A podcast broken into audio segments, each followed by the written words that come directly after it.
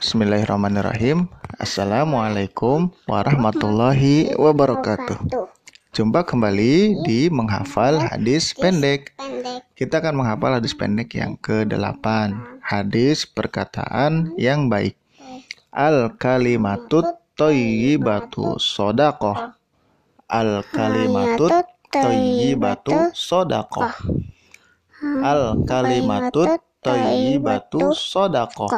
Artinya, Artinya perkataan yang baik adalah sedekah. sedekah, Perkataan yang baik adalah sedekah.